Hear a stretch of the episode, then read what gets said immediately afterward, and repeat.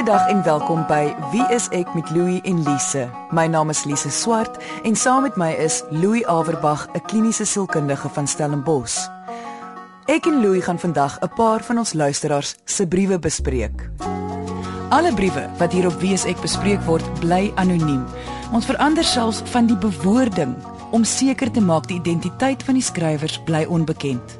Ons gaan vandag onder meer gesels oor wat 'n ouer te doen staan wanneer hy vermoed hul kind het dalk aandagtekort of hiperaktiwiteit. Ons gaan kyk na maniere hoe jy iemand kan oortuig om professionele hulp te kry en ons gaan praat oor die rol wat medikasie speel in 'n sielkundige diagnose. Kom ons luister na die eerste brief van die dag. Louis gaan dit vir ons voorlees. Hallo Louis en Lise. Ek het 6 maande gelede 'n getroude vrou in my maatskappy aangestel. Sy het 'n besondere persoonlikheid en is baie knap. Ek het egter bewus geraak dat sy gereeld buite-egtelike verhoudings aanknoop. Na gesprekke het sy my vertel van haar kinderjare waar tydens sy my vertel het hoe sy 'n paar keer as kind seksueel gemolesteer is deur onder andere 'n familielid. Ek probeer haar ooreed om 'n sielkundige te sien en het 'n paar name van sielkundiges in ons area gekry. Sy het egter nog nie 'n afspraak gemaak nie alhoewel daar al weke intussen verbygegaan het. Ek is baie bekommerd oor haar, maar voel regtig hulpeloos.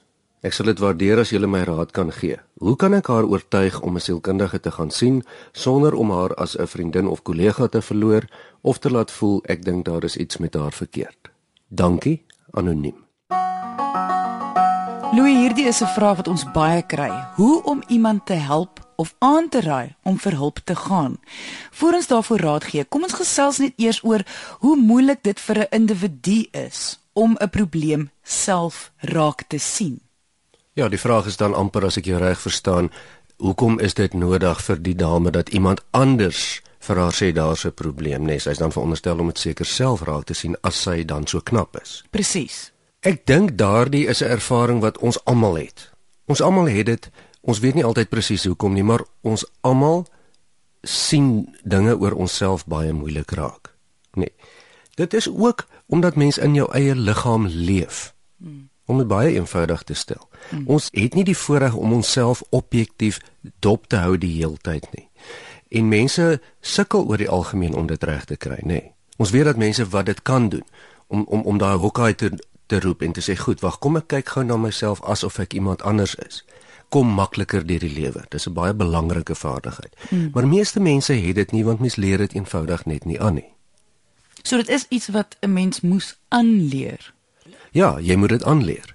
So jy sê dit is ook die rede hoekom ons so sukkel om onsself te kan diagnoseer want ek dink baie keer omdat uh, uh, veral simptome as dit kom by sielkundige toestande of probleme is normale menslike emosies.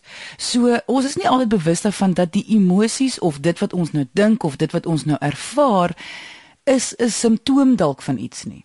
Presies. Dit is hoekom emosies al is dit so integrale en belangrike deel van menswees, ook een van ons grootste vyande as dit kom om objektief na onsself te kyk. Dit is baie baie moeilik en dit is hoekom selfdiagnose basies amper 'n onmoontlikheid is. Dit is natuurlik hoekom dit so belangrik is om te luister wanneer iemand anders vir jou probeer sê hulle sien dalk iets verkeerd of iets is verkeerd. Ja, teoreties en teoreties is ons geweldig meer afhanklik van terugvoer van ander mense as wat ons dalk graag sal wil hê.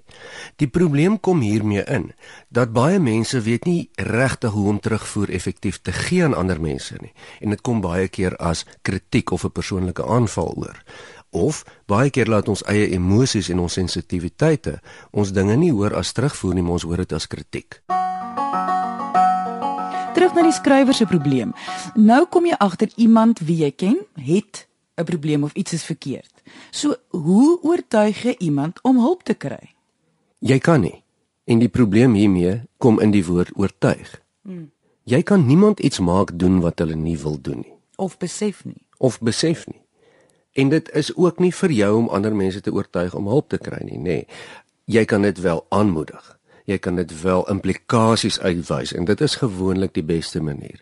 My vriend of my vriendin My mening is as jy dit en dit gaan doen of nie gaan doen nie, gaan die volgende met jou gebeur. As jy dus aangaan om te doen wat jy doen, maak jy 'n keuse vir die volgende om met jou te gebeur.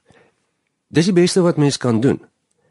En dit gaan daaroor dat mense eintlik maar verantwoordelik is vir hulle self en mens kan net ondersteuning en hulp aanbied, dis al. Soos die skrywer nou tereg vra, soek hy 'n manier om haar te benader sonder om homself sleg te laat lyk of haar ongemaklik te maak. So kyk in jou beroep as kliniese sielkundige, het jy die reg om vir iemand te sê wat jy waarneem of wat jy raak sien. Vir ons ou gewone mense is dit nogal baie moeilik om die regte manier of kom ons sê 'n sensitiewe manier te vind om iemand attent te maak op iets. Ja, ek weet nie hoekom mense dit altyd so moeilik maak nie. Dit is eintlik baie eenvoudig. Jy gaan sê eenvoudig vir die persoon, luister hier, ek wil jou nie in die gesig vat nie. Ek is ongemaklik om dit vir jou te sê. Ek wil nie 'n sensitiewe manier ons vriendskap iets aandoen nie. Mm. Maar dit is wat ek nou graag vir jou wil sê. Hoekom nie? Dit is baie beter as om net stomp met die deur in die huis te val. Ons as mense is nogal geneig as ons nou uiteindelik die die moed bymekaar geskraap het om ons waarnemings vir iemand anders te sê en hulle dan nog steeds niks omtrent dit doen nie, raak ons nogal gefrustreerd daarmee en kan nogal baie keer vies raak of kwaad raak vir die persoon. Is wat jy voorstel is jy sê wat jy wil sê, maar dan moet jy dit los want dit is nou die persoon wat dit self die verantwoordelikheid moet neem. Wel, jy kan probeer om aan te hou en kyk of dit werk, maar dit werk nie. Nee. En ek wil amper die vraag omgekeerd vra. Wie gee dan vir jou die reg om iemand te wil dwing om iets te doen wat jy dink 'n oplossing is? Jy het waarskynlik die reg klaar gebruik om dit voor te stel of om dit vir die persoon bekend te maak. Wat wil jy verder doen? Maar daar is tog situasies. Kyk, hierdie is nou dalk nou nie een van daai situasies nie, maar daar is tog situasies waar 'n familielid of 'n geliefde sy simptome byvoorbeeld al hand uitgeruk het. En nou voel die familie, hulle moet so half hierdie persoon forceer om te gaan, soos byvoorbeeld na 'n rehabilitasiesentrum of na 'n psigiatriese inrigting. Die wet tog beskerm daardie mense dat niemand kan forceer word nie. Maar in so 'n situasie dalk net uh, vinnig kan jy vir ons net sê watse wenke het jy vir soos familielede in so 'n situasie waar hulle eintlik nodig het om iemand te forceer, maar die wet beskerm hulle. Ja, on, ons praat hier van uiterste uiterste uitsonderings, want feitelik nêrens wat ek van weet, is dit nodig om iemand te forceer nie. As dit nodig is in jou kop om iemand te forceer, sê dit meer van jouself as van die persoon wat jy wil forceer. Ek praat nou nie in uiterste gevalle waar daar geweldige 'n uh, 'n uh, dwelm 'n uh, vergiftiging is met psigose en so en wat iemand nie regtig vir hulle self kan besluit nie, nê. Nee. Mm -hmm. Maar daar's 'n rede ook hoekom die wet sê jy kan niemand forceer nie. Die rede is omdat dit eenvoudig nie werk nie. Ek het nog nooit in my hele lewe gesien of dit in 'n rehabilitasiesentrum is en of dit in terapie is dat iemand wat geforseer is enigsins iets bereik nie. Al wanneer iemand resultate kry as hulle dit uit eie wil uitdoen. 100% van die tyd. Indien jy wil hê ek en Louie moet jou brief, storie of vraag hier op Wie is ek bespreek, kan jy ons kontak deur ons webwerf wieisek.co.za of gaan na ons Facebookblad onder Wie is ek met Louie en Lise. Onthou alle briewe wat bespreek word sal anoniem bly.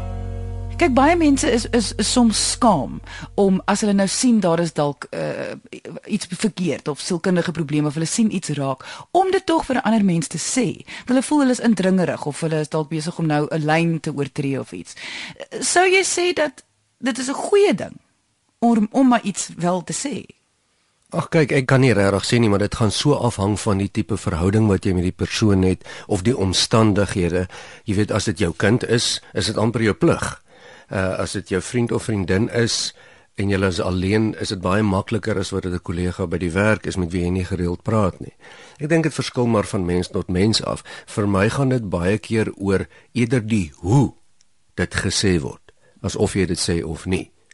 Want as jy dit dan op da op 'n manier sê wat jy wat jy nie aanstoot gee nie, dan gee dit mense selde om of mense dit doen of nie. So wat ek vir die skrywer sou aanbeveel is jy weet dis bewonderenswaardig dat jy omgee en dat jy graag wil help. Um ek dink nie die oplossing lê noodwendig om die persoon te oortuig om 'n sielkundige te sien nie. Dit is jou oplossing. Ek dink dit is nie 'n slegte oplossing nie. Maar al wat jy kan doen is om jou vriendskap met haar te behou, haar duidelik laat te verstaan wat jou opinie is en jy kan nie daarvoor die verantwoordelikheid vat nie en ondersteun waar jy kan. Ons gesels vandag oor 'n paar van ons luisteraars se briewe Indien jy dit gemis het, kan jy na vandag se episode as 'n pot gooi gaan luister op RSG se webwerf. Dit is rsg.co.za en die sleutelwoord is wie is ek. Ons wil net ons luisteraars herinner dat alle briewe wat op Wees ek bespreek word, bly anoniem. Ons verander selfs van die besonderhede om seker te maak die skrywer se identiteit word beskerm. Kom ons luister na ons volgende brief wat ek nou vir ons sal voorlees. Goeiedag Louis en Lise. Ek het 'n 9-jarige dogtertjie en vandat sy in graad R was, het al die juffrouens dit eens dat sy te veel praat en nie op haar werk konsentreer nie. Nou dit is deels haar uitgaande persoonlikheid, maar soos die jare aangaan, kry ek aanhoudend dieselfde klagte. Nou begin ek dink dat sy dalk medikasie nodig het. Sy het vir haar laaste kwartaal vir al haar vakke 6 uit 7 gekry, maar die juffrou sê dat sy kan nog beter as sy net meer konsentreer. En blykbaar is sy baie onseker van haarself voor sy werk aanpak. Haar huidige juffrou is bekommerd dat sy dalk volgende jaar met die leervakke gaan sukkel omdat sy juis so sukkel om aandag te hou by haar werk. Ek het al gesien hoe maak sy simpel foute omdat sy nie kyk, lees en konsentreer nie. Ek is ook skrikkerig as ek die woord Ritalin hoor. Ek dink dadelik aan 'n zombie.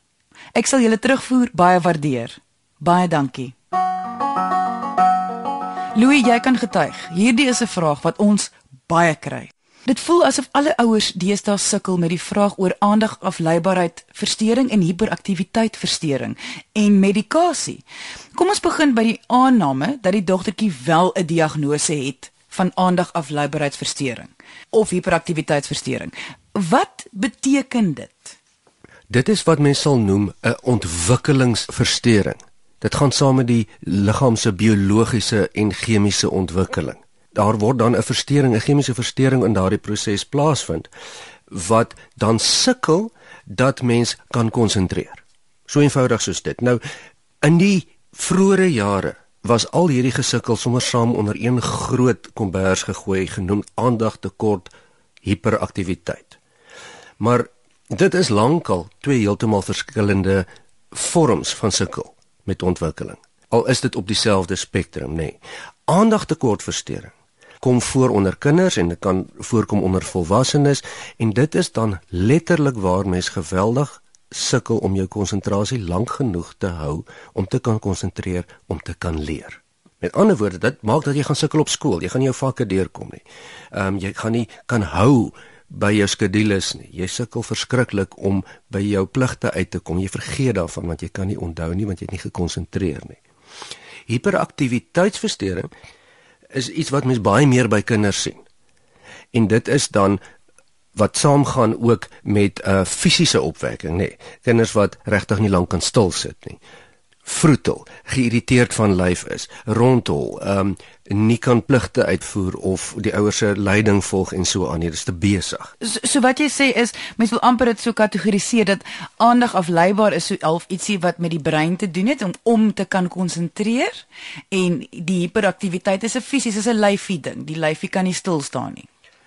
Ja, as mens dit baie eenvoudig wil stel, is dit 'n lekker manier om daaraan te dink. Dis nie heeltemal korrek nie, maar maar om dit so te stel, dis 'n biologiese iets wat keer dat jy kan stil raak en kan konsentreer. So daar's niks met die kind verkeerd nie. Bedoelende daar's niks met die kind se persoonlikheid verkeerd of wie die kind is nie. Dit is maar soos 'n siekte toestand. Dis iets wat maar net daar is. Ja, en dit het 'n baie baie sterk biologiese basis, nê. Nee, daar's genoeg navorsing om te weet presies hoekom dit gebeur. Dit is nie 'n misterie nie. Kom ons praat oor die groot woord van medikasie. Wat doen medikasie as dit kom by hierdie twee diagnoses? As ons verstaan dat aandagtekort of hiperaktiwiteit 'n biologiese basis het, dis 'n chemiese ding. Dit is letterlik jou brein wat nog nie neuronetwerke gevorm het om te kan leer om te konsentreer en om aandag te gee nie. As dit sou sin maak.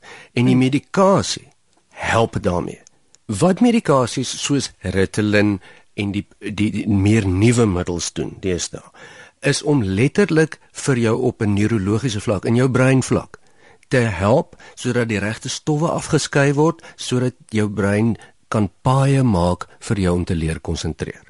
Dis al wat dit doen. So die idee wat ouers het van dat medikasie vir hierdie twee diagnoses kan jou kind in 'n zombie verander. Is dit 'n realiteit? Nee, maar ek verstaan ook waar dit vandaan kom. En dit kom vandaan van oormedikasie, verkeerde medikasie en vir nie, uh, so 20 jaar terug het dit baie gebeur dat mense vir aandag tekort dan ook sommer Ritalin sal gee en dan kry jy die lusteloosheid en en kinders wat se omtrent blus wat uitraak, nê. Nee. Ons is daarom baie verder gevorder van daar af. So nee, as medikasie reg voorgeskryf word en reg gekontroleer, gaan dit regtig nie meer jou kind in 'n zombie verander nie. Ek gaan nou iets sê wat baie onderwysers gaan kwaad maak. Maar ek voel selfs al het hulle jare se ondervinding, is 'n onderwyser nie die regte persoon om 'n diagnose van hierdie aard te maak nie. Watter stappe sou jy sê Louis moet 'n ouer neem om seker te maak jy kry die regte diagnose? Al die onderwysers wat luister, dink ek sal saamstem en sê nee, ek weet ons kan nie diagnoses maak nie. Maar jou onderwyser is gewoonlik jou belangrikste bron van inligting. En 10 uit 10 vir hierdie onderwyser wat raak gesien het of sy nou 100% korrek is of nie, maar sy het dit baie mooi raak gesien en onder die aandag van die ouers gebring, nê. Nee. En ek dink daar's baie meriete in wat sy raak sien. Onder onderwysers het ook op 'n daaglikse vlak met baie kinders te doen en hulle het begin 'n goeie oordeel ontwikkel na tyd. So nou wil jy dan nou weet goed waarmee presies sukkel ons kind nou? En dan gaan jy nou om 'n diagnose te kry. Jy gaan nou na die korrekte professionele persoon toe en jy sê goed dis wat ons waarneem dis wat die onderwyser vir ons gesê het. Kyk vir ons baie mooi is hier 'n diagnose of nie? Is dit die advies wat jy ook vir die ma of die skrywer van die brief sou gee? Absoluut. Jy weet vir 'n kind van jou kind se ouderdom kan jy selfs nog na 'n pediater toe gaan of jy gaan na 'n psigiater of 'n kliniese sielkundige wat met eh, jong kinders van daardie ouderdom spesialiseer. Jy luister na Wie is ek met Louie en Lise op RSG 100 tot 104 FM. Indien jy die regte stappe gevolg het en jou kind is nou gediagnoseer met aandagafleiberheidsversteuring of hiperaktiwiteitsversteuring, maar jy wil nie vir jou kind medikasie gee nie watter effek kan dit tog op die kind nou hê? 'n Baie groot effek. Nou, hiermee sê ek nie dat medikasie die alfa en die omega is nie. Daar is partykeer neeweffekte, ehm um, partymal werk medikasie en daar is hier en daar uh, gruwelverhale van medikasies veral vir kinders met aandagprobleme. Maar dis die uitsondering. Merkbaar doen kinders en volwassenes wat met aandagtekort of hiperaktiwiteit sukkel baie baie beter met medikasie as nie. As jou kind regtig dit nodig het en jy gee dit nie, dan gaan die kind 'n geweldige agterstand nog steeds beleef. So wat jy nou hierso sê vir al met hierdie brief is, indien jou kind wel gediagnoseer word met een van hierdie twee diagnoses, help die medikasie nie net die kind om te leer nie, om by te bly by hulle skoolmaatjies nie. Dit help ook op 'n sosiale vlak dat die kind nie ek wil amper sê geterg word of gesien word as tussen aanhalingstekens dom nie. Ons hoor tog so gereeld hoe kinders vir ander kinders sal terg en sê jy's dom. Jy is so reg met wat jy nou sê. Onthou dat kinders of tieners se wêreld gaan baie keer, dis die lewensfase waarin hulle is vir aanvaarding deur hulle omgewing, deur hulle groep, medetieners of medekinders. En as jy nie lekker kan konsentreer nie. Dan verloor jy jou selfvertroue want jy kry nie meer goeie punte nie en die ander terg jou. Jy begin glo dalk jy's dom. Jy verloor jou selfvertroue. En dit het 'n impak vir die res van jou lewe. Indien jy wil hê ek en Louie moet jou brief, storie of vraag hier op Wie is ek bespreek, kan jy ons kontak deur ons webwerf wieisek1woord.co.za of gaan na ons Facebookblad onder Wie is ek met Louie en Lise. Onthou alle briewe wat bespreek word sal anoniem bly. Ons het nog tyd om vinnig nog een brief te bespreek. Kom ons luister. Ek is 6 jaar gelede gediagnoseer met angsversteuring. Ek het vir 6 maande medikasie geneem en toe dit gestop. Ek gebruik nou wel nog kalmeerpille van tyd tot tyd. My gedagtes is my probleem. Vanaf my eerste paniekaanval kan ek nie ophou dink dat daar dalk iets fout met my hart is nie. Alhoewel die dokter sê daar is nie. Ek is bang ek kry hoë bloeddruk. Ek is bang vir doodgaan. Ek is bang iets ernstig gebeur met my kinders ensovoorts. Net na my heel eerste paniekaanval het ek breinvliesontsteking gekry. Ek sukkel om te onthou, vergeet maklik, nie genoeg energie nie, angstig in groot geselskappe. Ek probeer myself elke keer ooreed daar is nie ernstig fout met my nie. So dis 'n stil stryd wat ek daagliks beklei. Ek wil graag weer werk. Ek het 13 jaar laas gewerk. Ek geniet dit om met mense te werk, maar is bang ek kry 'n episode in die werkplek. Bang vir die druk van die werk. Sal dit help as ek teruggaan op my medikasie? Louis, jy is die kenner, maar as ek hierdie brief lees, is my eerste reaksie ja, die medikasie kan 'n verskil maak. In hierdie geval 100% verseker en ek voel baie jammer vir die persoon wat die brief geskryf het, want baie keer maak mense hierdie fout. En ek dink ook nie dis altyd mense se eie skuld nie, want as jy nie presies verstaan wat met jou fout is nie, in hierdie geval 'n algemene angsversteuring, dan gaan jy nie verstaan hoe belangrik dit is om jou medikasie te gebruik nie.